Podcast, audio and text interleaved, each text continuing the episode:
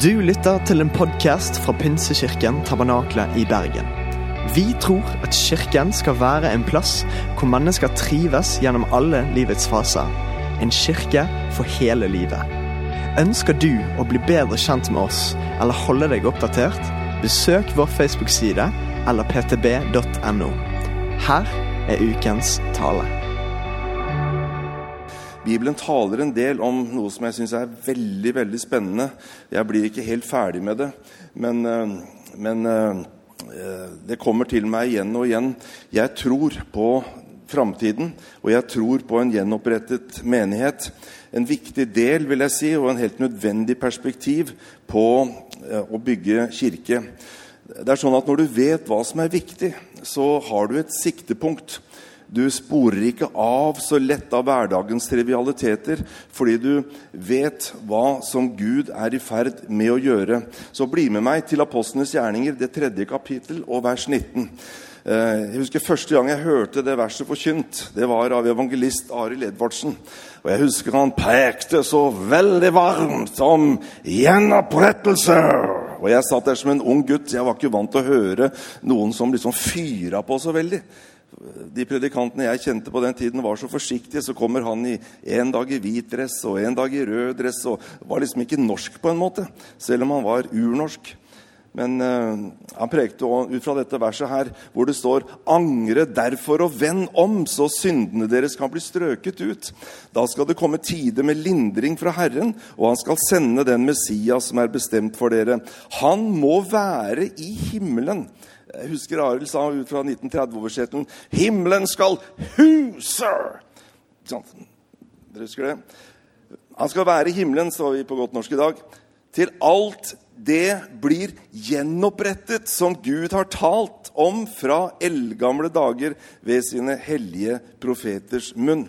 Det der er noen sterke vers. Jeg blir aldri helt ferdig med dem.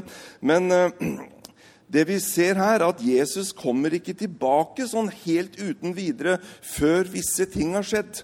Ingen kjenner dagen eller timen på dette. I alle generasjoner så har jo folk trodd at vi er i den siste generasjonen. Og i, den koronatiden vi er nå, så har man vært overbevist om at nå er det slutten. Jeg er ikke sikker på det. Det vet ingen av oss.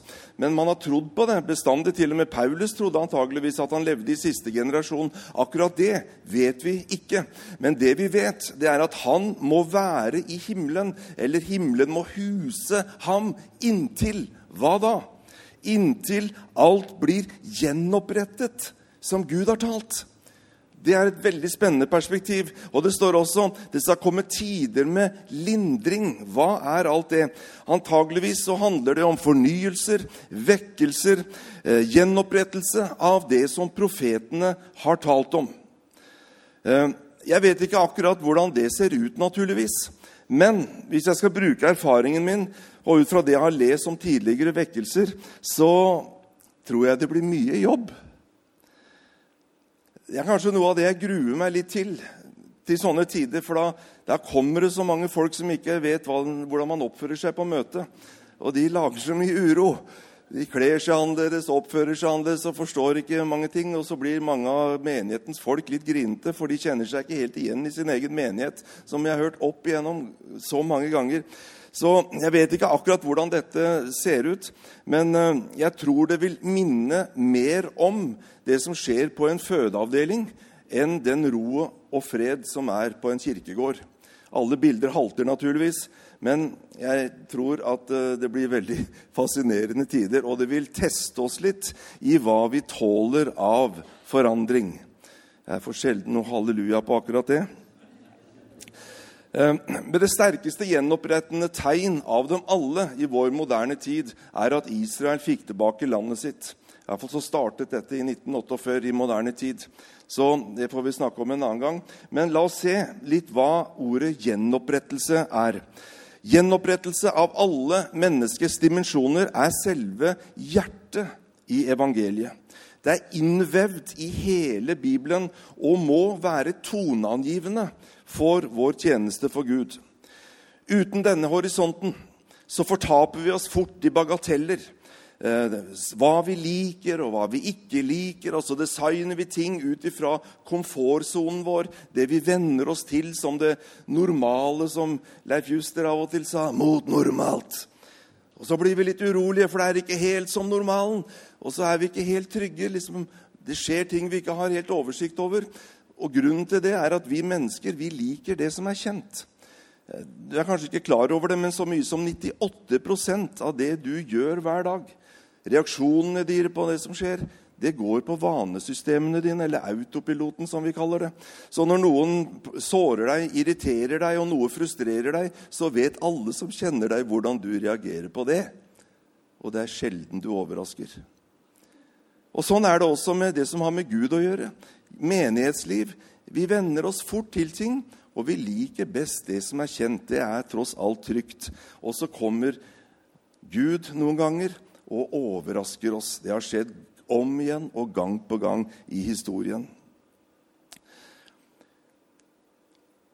Gjenopprettelse, hvis vi går til en vanlig ordbok, så får vi en forståelse å bringe tilbake til en opprinnelige form det er ordet gjenopprettelse. Noe er ødelagt, og så limer vi det sammen igjen, så blir det stort sett sånn som det var fra før. Går vi til Bibelen og undersøker det ordet, så innebærer det gjenopprettelse alltid en forøkelse, en multiplikasjon, en forbedring, slik at den siste utgaven er betydelig bedre enn originalen. Her kunne vi, som Egil Svartdal sier, spleise på et amen. Nei da, vi er nordmenn. Jeg, så, jeg, sier ikke så mye jammen og halleluja sjøl, så det, det, går helt fint. Vi har lært oss å preke tro uten tilbakemeldinger. Så, og jeg er akkurat sånn selv, så det, helt, det går helt fint. Uh,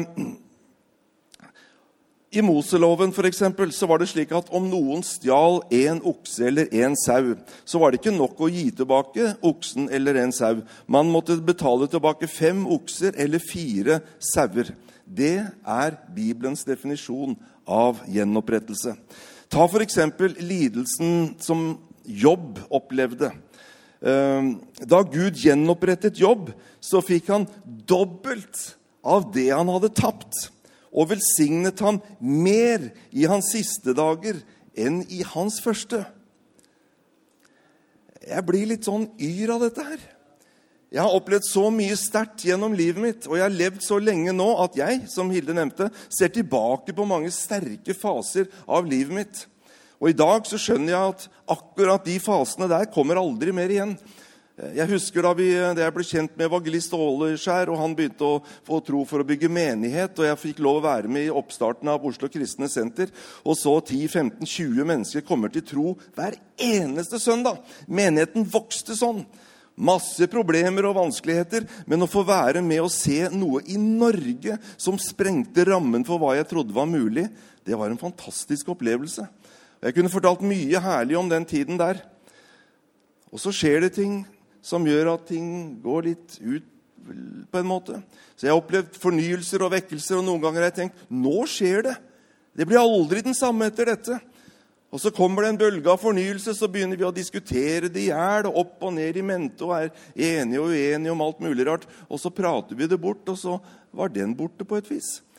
Og jeg skjønner at når Gud kommer, da gjelder det å gripe øyeblikket. Så det er mange ting som jeg i dag ser tilbake på, og jeg blir varm om hjertet når jeg tenker på det. Men når det er sagt, så er jeg overbevist ut ifra det jeg underviser deg nå, at det beste ligger foran. Det er mitt, min overbevisning. Det er mitt budskap som jeg føler Gud har reist meg opp for å være tydelig på. Det beste ligger foran. Dette forteller noe om Guds handlemåte, og det hjelper oss å holde fokus i krisetider. Når det er tider med stagnasjon, så må vi aldri gi opp. Det er derfor min uh, bibelskolelærer Robert Gornitska, som er hjemme hos Gud nå, han lærte oss å tro på at krisetider er Kristustider. De ordene har meislet seg inn i hodet mitt. Krisetider er Kristustider. Og det kan jeg se tilbake på gjennom livet mitt nå. At de fasene jeg tenkte nå er det kanskje delvis over, det blir ikke noe mer nå, der oppdaget jeg det største gullet som jeg forvalter i dag. Krisetider, på de mørkeste fasene av livet, kan Gud komme, for han er en gjenopprettende Gud. Bli med til Haggai, kapittel 2, vers 9, så er det en profeti der. Det siste huset skal få større herlighet enn det første huset hadde.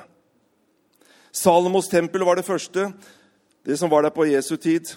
Det siste huset refererer antageligvis til Serubabels tempel, men også en profeti, tror vi det er, om det som vil få internasjonal oppmerksomhet. At Gud skal bo i menneskelige templer som deg og meg. Et folk som er fylt av Den hellige ånd. Han som alle nasjoner dypest sett lengter etter, og skal åpenbare seg i dette siste huset. Vi kan se tilbake på sterke ting i vårt liv, og det skal vi. Bibelen sier 'glem ikke alle hans velgjerninger', Salme 103. Så la oss glede oss over det, takke Gud over det.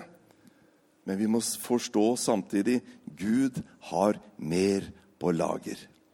Han har ikke gitt opp, vet du. Jeg møter mennesker som er så bekymret i vår tid. Det er så mye fælt som skjer, og så mye vanskelig. Og det er det.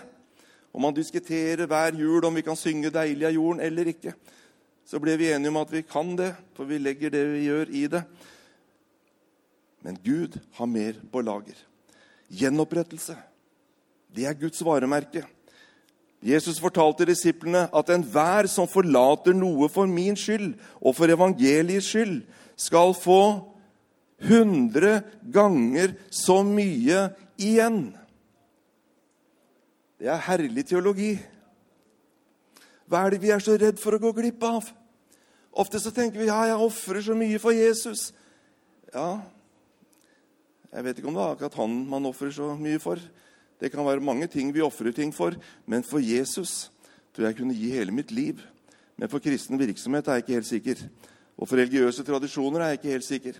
Så det må jeg bare si at Når det gjelder å være pastor for en menighet, så lar jeg meg ikke uten videre lokke på og slite meg ut for alle mulige slags forventninger. Men hvis jeg aner at Gud er på ferde, så tror jeg jeg er villig til å gjøre hva som helst. Og Jesus sier, 'Frykt ikke. Jeg godtgjør det.' Det er hans vesen. Og Hvis vi går til Paulus' ord når det gjelder menighetsledelse og det å bygge kirke i dag, så er det noen sterke vers i Efeserbrevet 4,11. Der sier han det er han som ga sine gaver. Han satte noen til apostler, noen til profeter, evangelister, hyrder og lærere. Og han gjorde det for å utruste de hellige, så de kan utføre sin tjeneste, og Kristi legeme bygges opp. Kirke handler om mennesker som har fått nytt liv gjennom Jesus Kristus. Et aspekt av dette er gjenopprettelsene av alle tjenestegavene, som er på en måte Guds hånd i menigheten. Det lar vi ligge litt nå. Men poenget er at Gud utruster folket sitt, så de, altså du og jeg, kan utføre vår tjeneste. Og at vi kan vokse. Og la meg si det med en gang det er du som er viktig her i dag. Jeg er bare en enkelt tjener som har fått en autoritet til å være bibellærer og undervise her nå i ca. 30 minutter. Så er min autoritet over. Men det er deg det handler om. Du er ikke her for å tjene meg. Jeg er her for å tjene deg. Så jeg forsøker å tjene deg med alt jeg er og har i de minuttene jeg har til rådighet. Jeg vil gi deg alt. Alt jeg har jobbet med de siste 30-35 årene, har jeg fått skrevet ned i tre bøker, og du kan lese dem på ti timer. Det er god deal. Jeg vil gi deg alt for at du skal bygges opp. Det er min store lidenskap. Jeg får nesten ikke sove om kvelden, for jeg gleder meg til forkynnelsen dagen etter. For å gi deg det beste som jeg kan. Det er enhver bibellærer og pastor og menighetsleders store hjerte. Det skal du vite. Men akkurat dette kjenner vi litt til, tror jeg. Det som er litt mindre kjent, det er vers 13. Der sier Paulus.: Inntil vi alle når fram til enheten i troen på Guds sønn og kjennskapet til Han, og blir det modne mennesket som er fullvoksent og har hele Kristi fylde. Jeg vil dra din oppmerksomhet til det første ordet 'inntil'. Altså apostlene, profetene, evangelistene, hyrdene og lærerne skal gjøre sin tjeneste inntil Altså Det er ikke bare sånn at vi går for et sånt jevnt og godt virkeår. Ja, det var ikke så verst i år heller. Vi gikk ikke konk, i hvert fall. Ja, du skjønner, Vi har større ambisjoner enn det. Gud gjenoppretter menigheten sin, og han vil at disse tjenestene skal være operative inntil Ja, hva da? Vi alle når fram til enheten i troen. Jeg lurer på hvordan det ser ut. jeg. Mange kristne jeg kjenner, er jo ikke enige om noen ting.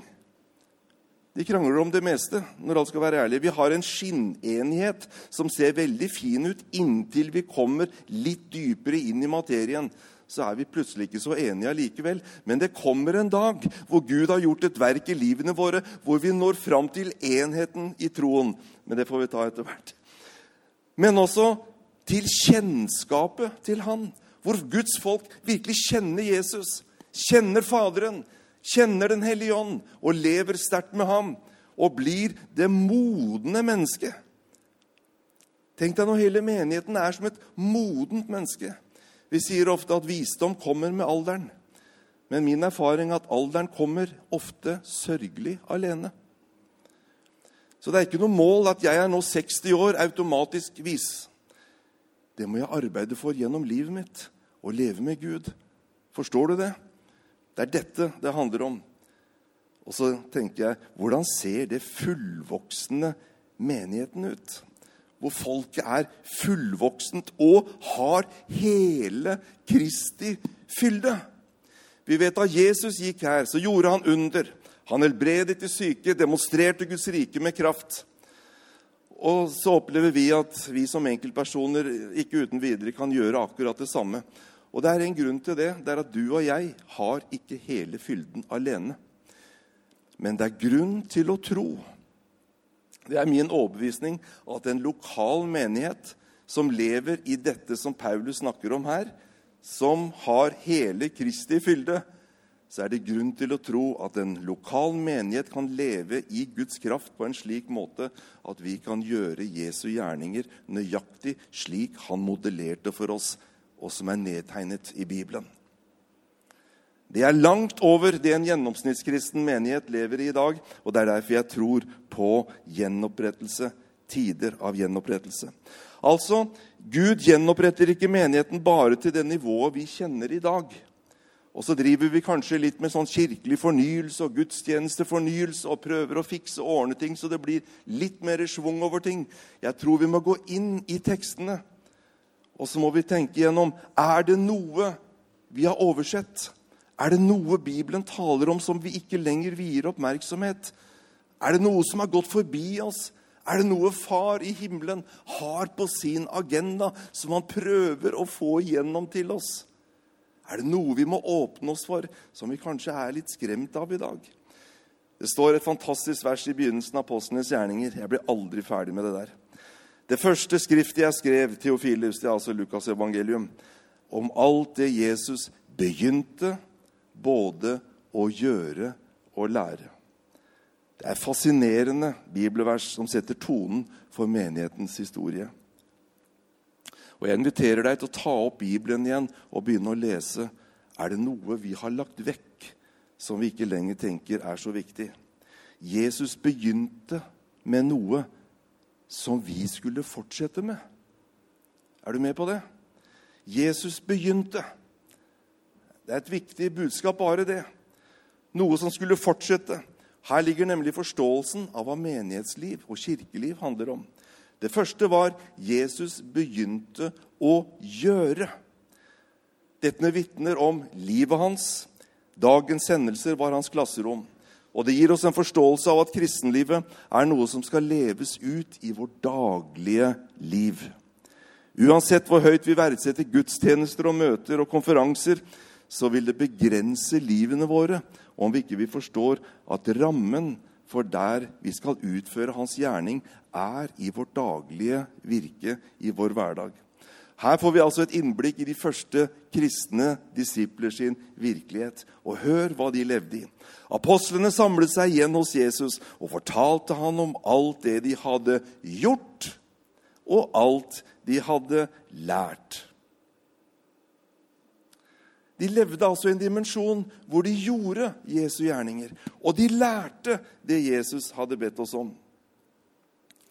Jesus begynte altså å gjøre og å lære. Gud har gitt menigheten en kolossal skatt av grunnleggende sannheter og åndelige erfaringer. Og før Jesus kommer tilbake til jorden, så vil han at alt dette skal være åpenbart og gjenopprettet. Bibelens sannheter det er bjelker, hjørnestener og et solid reisverk som holder huset oppe, slik at Guds herlighet kan manifesteres gjennom sitt tempel, som er menigheten. Uten en sunn lære så vil det lett gå galt. Og I dette perspektivet så må vi forstå en gjenopprettet kirke vil antageligvis bety at vi står foran ennå en reformasjon.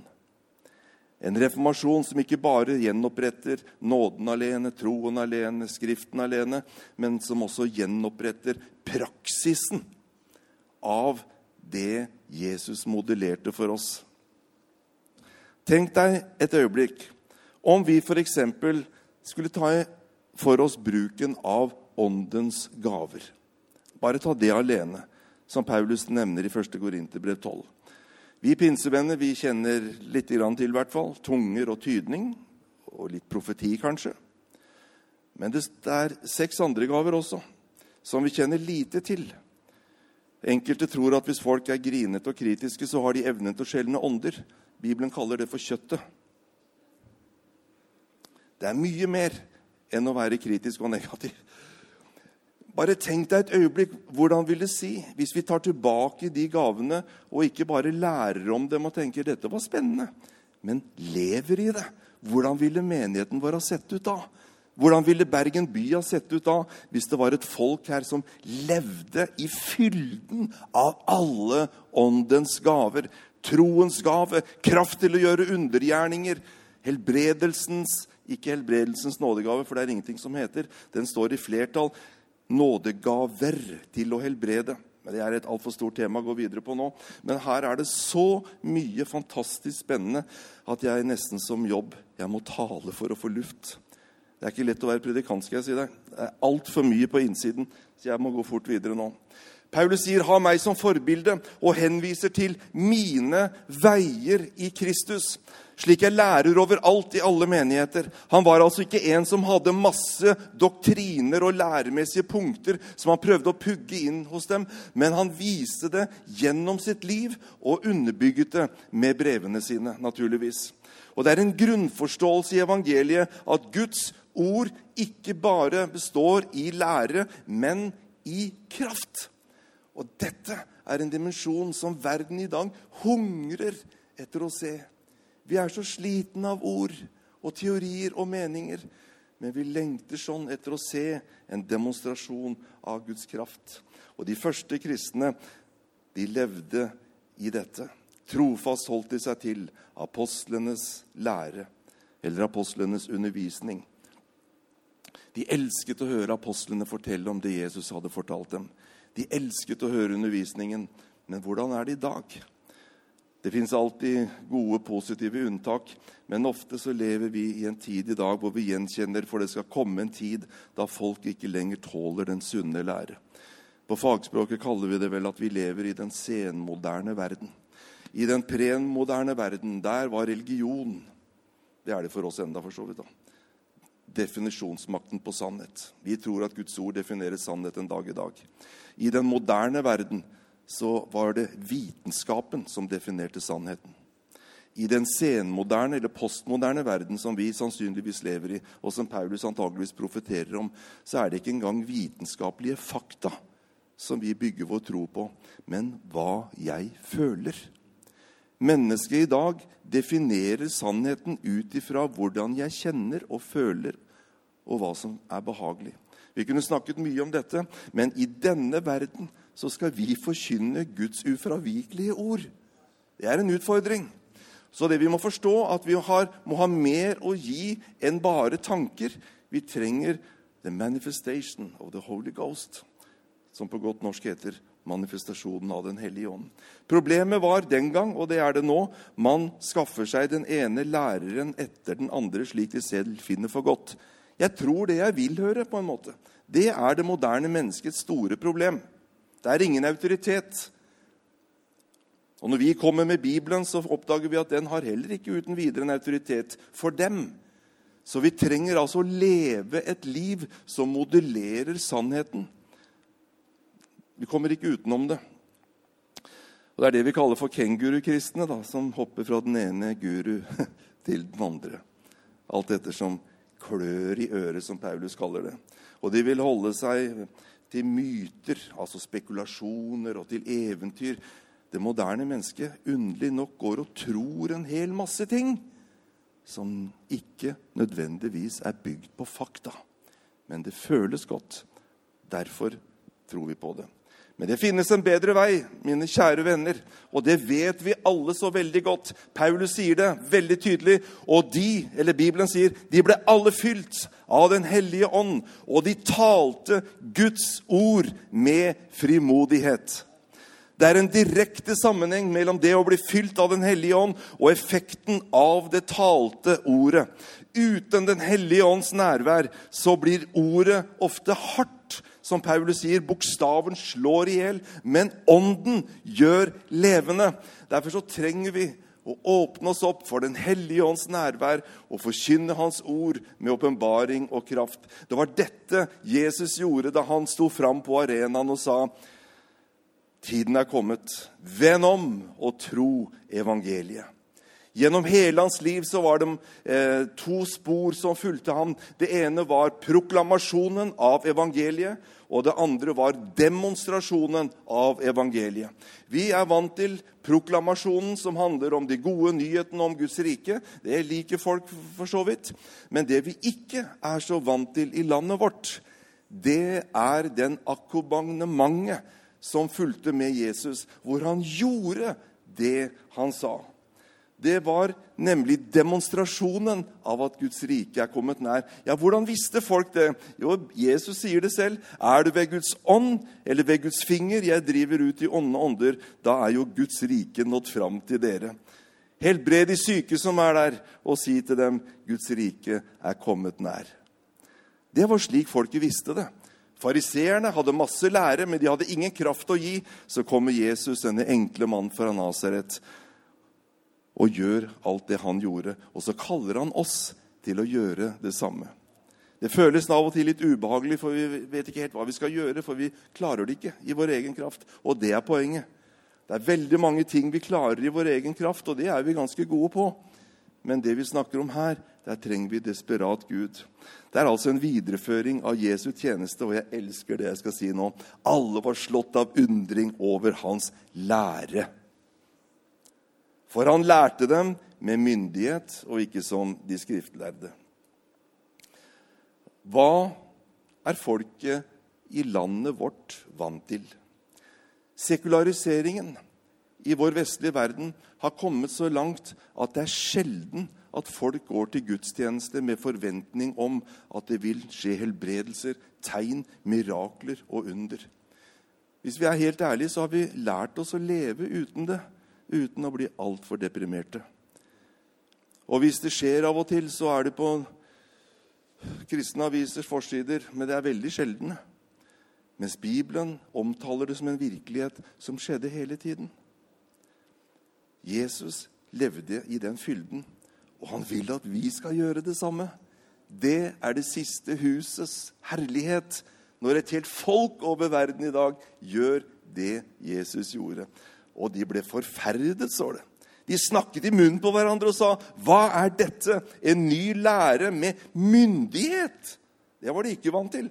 Han befaler til og med de urene ånder, og de adlyder ham. Folket den gangen var ikke vant til at noe fungerte. De var ikke vant til kraft og ikke til myndighet. De var vant til å bli trykket ned av fariseerne og de skriftlærde, og de følte seg uverdige. Jesus kom med noe helt nytt og sier, 'Heller ikke jeg fordømmer deg, men jeg går bort og synd ikke nå.' Han ga dem et nytt liv. Han gjenopprettet menneskene. Han gjenopprettet Sakkeus fra å være en kjeltring til å bli en Guds mann som ga bort nesten alt han eide. I hvert fall halvparten. Og hadde han tatt for mye fra noen, skulle få firedobbelt tilbake. Det er livsforvandlende møter med Jesus. Og sånn var det overalt. Vel, Vi kan ikke gå videre på dette nå, vi går mot en avslutning. Men det handler altså om å forkynne hele Bibelen. Ikke bare yndlingsvers. Paulus sier, 'For jeg har ikke holdt noe tilbake, men jeg har forkynt dere hele Guds råd'. Vi kan ikke bare forkynne noen spesielle åpenbaringer, noen spesielle viktige detaljer, men hele bildet. En del av oss vi leser gjennom Bibelen og legger merke til det som opptar oss gjennom det kampsakene som vi brenner for, men vi trenger å la Skriften få opplyse vårt sinn, så vi ser og forstår hvordan Gud tenker. Da barna våre var små, så forsøkte vi å introdusere dem for alle mulige smaker. Og de har lært seg å like nesten all slags mat. Nabogutten vår han likte nesten ingenting. Så jeg husker Andreas, sønnen vår, han lærte ham å spise fisk. For Andreas var vant til å bli introdusert for mange forskjellige smaker. Men du skjønner det at vi trenger av og til å bli introdusert for nye sider ved Skriften. Alt nytt er nok en viss trussel med en gang, men etter hvert så vil de elske det. Og det som det står om de første kristne Dere har fylt Jerusalem med deres lære.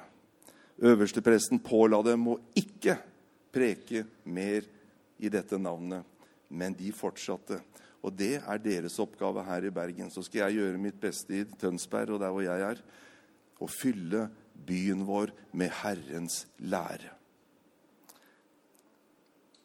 Det er vårt kall som menighet. Ikke bare teoriene, men leve det livet Jesus lærte oss å leve. Det er den bønnen vi ber når vi ber komme ditt rike. Skje din vilje, som i himmelen, så og på jorden. Så også i Bergen. Er du med? Men ikke bare der, men ut i hele verden. Så handler det om å nå ut. Jerusalem, Samaria, Judea, ja, like til jordens ender. Alt på en gang skal vi være involvert i, og det vet jeg at menigheten her er. Så jeg skal ikke holde noen misjonspreken. Jeg vet det ligger her. Jeg vil bare oppmuntre dere. Fortsett. Menigheten her er gammel. Jeg har vært der gjennom årene mange ganger, og jeg elsker hver gang jeg får være hos dere. Jeg håper ikke det blir siste gang. Og da må jeg slutte å preke nå, for det står i Bibelen, tror jeg, at uh, salige er de kortprekte, for de blir bedt tilbake. Men jeg vil bare si Herren gjør noe nytt. Og det er det dere må omfavne. Det er ikke alltid vi liker det som er nytt. Det truer tryggheten vår. Det utfordrer vår komfortsone. Vi liker å holde oss innenfor den sonen, men ikke utenfor der. Der føles det litt utrygt. Men Gud skal hjelpe oss. Johannes, som kjente Jesus som godt, han ble livredd som en gammel mann på øya Patmos da Herren talte til han. Han skalv av frykt, står det. Men så hørte han den varmeste, mest kjærlige stemmen og den nydeligste hånd legge seg på skulderen hans og sa, 'Frykt ikke, Johannes. Det er meg.' Han hadde sett Jesus mange ganger, og han var så trygg i frelsen at han kalte seg selv for den disippel Jesus hadde kjær. Jeg har aldri hørt en nordmann tørre å si det om seg selv. Som regel så er vi fulle av fordømmelse, men Johannes han sa, 'Jeg er den disippel Jesus hadde kjær'. Så vi kan jo øve oss litt på det. Men så kom Jesus i en litt annen form, en litt annen stil.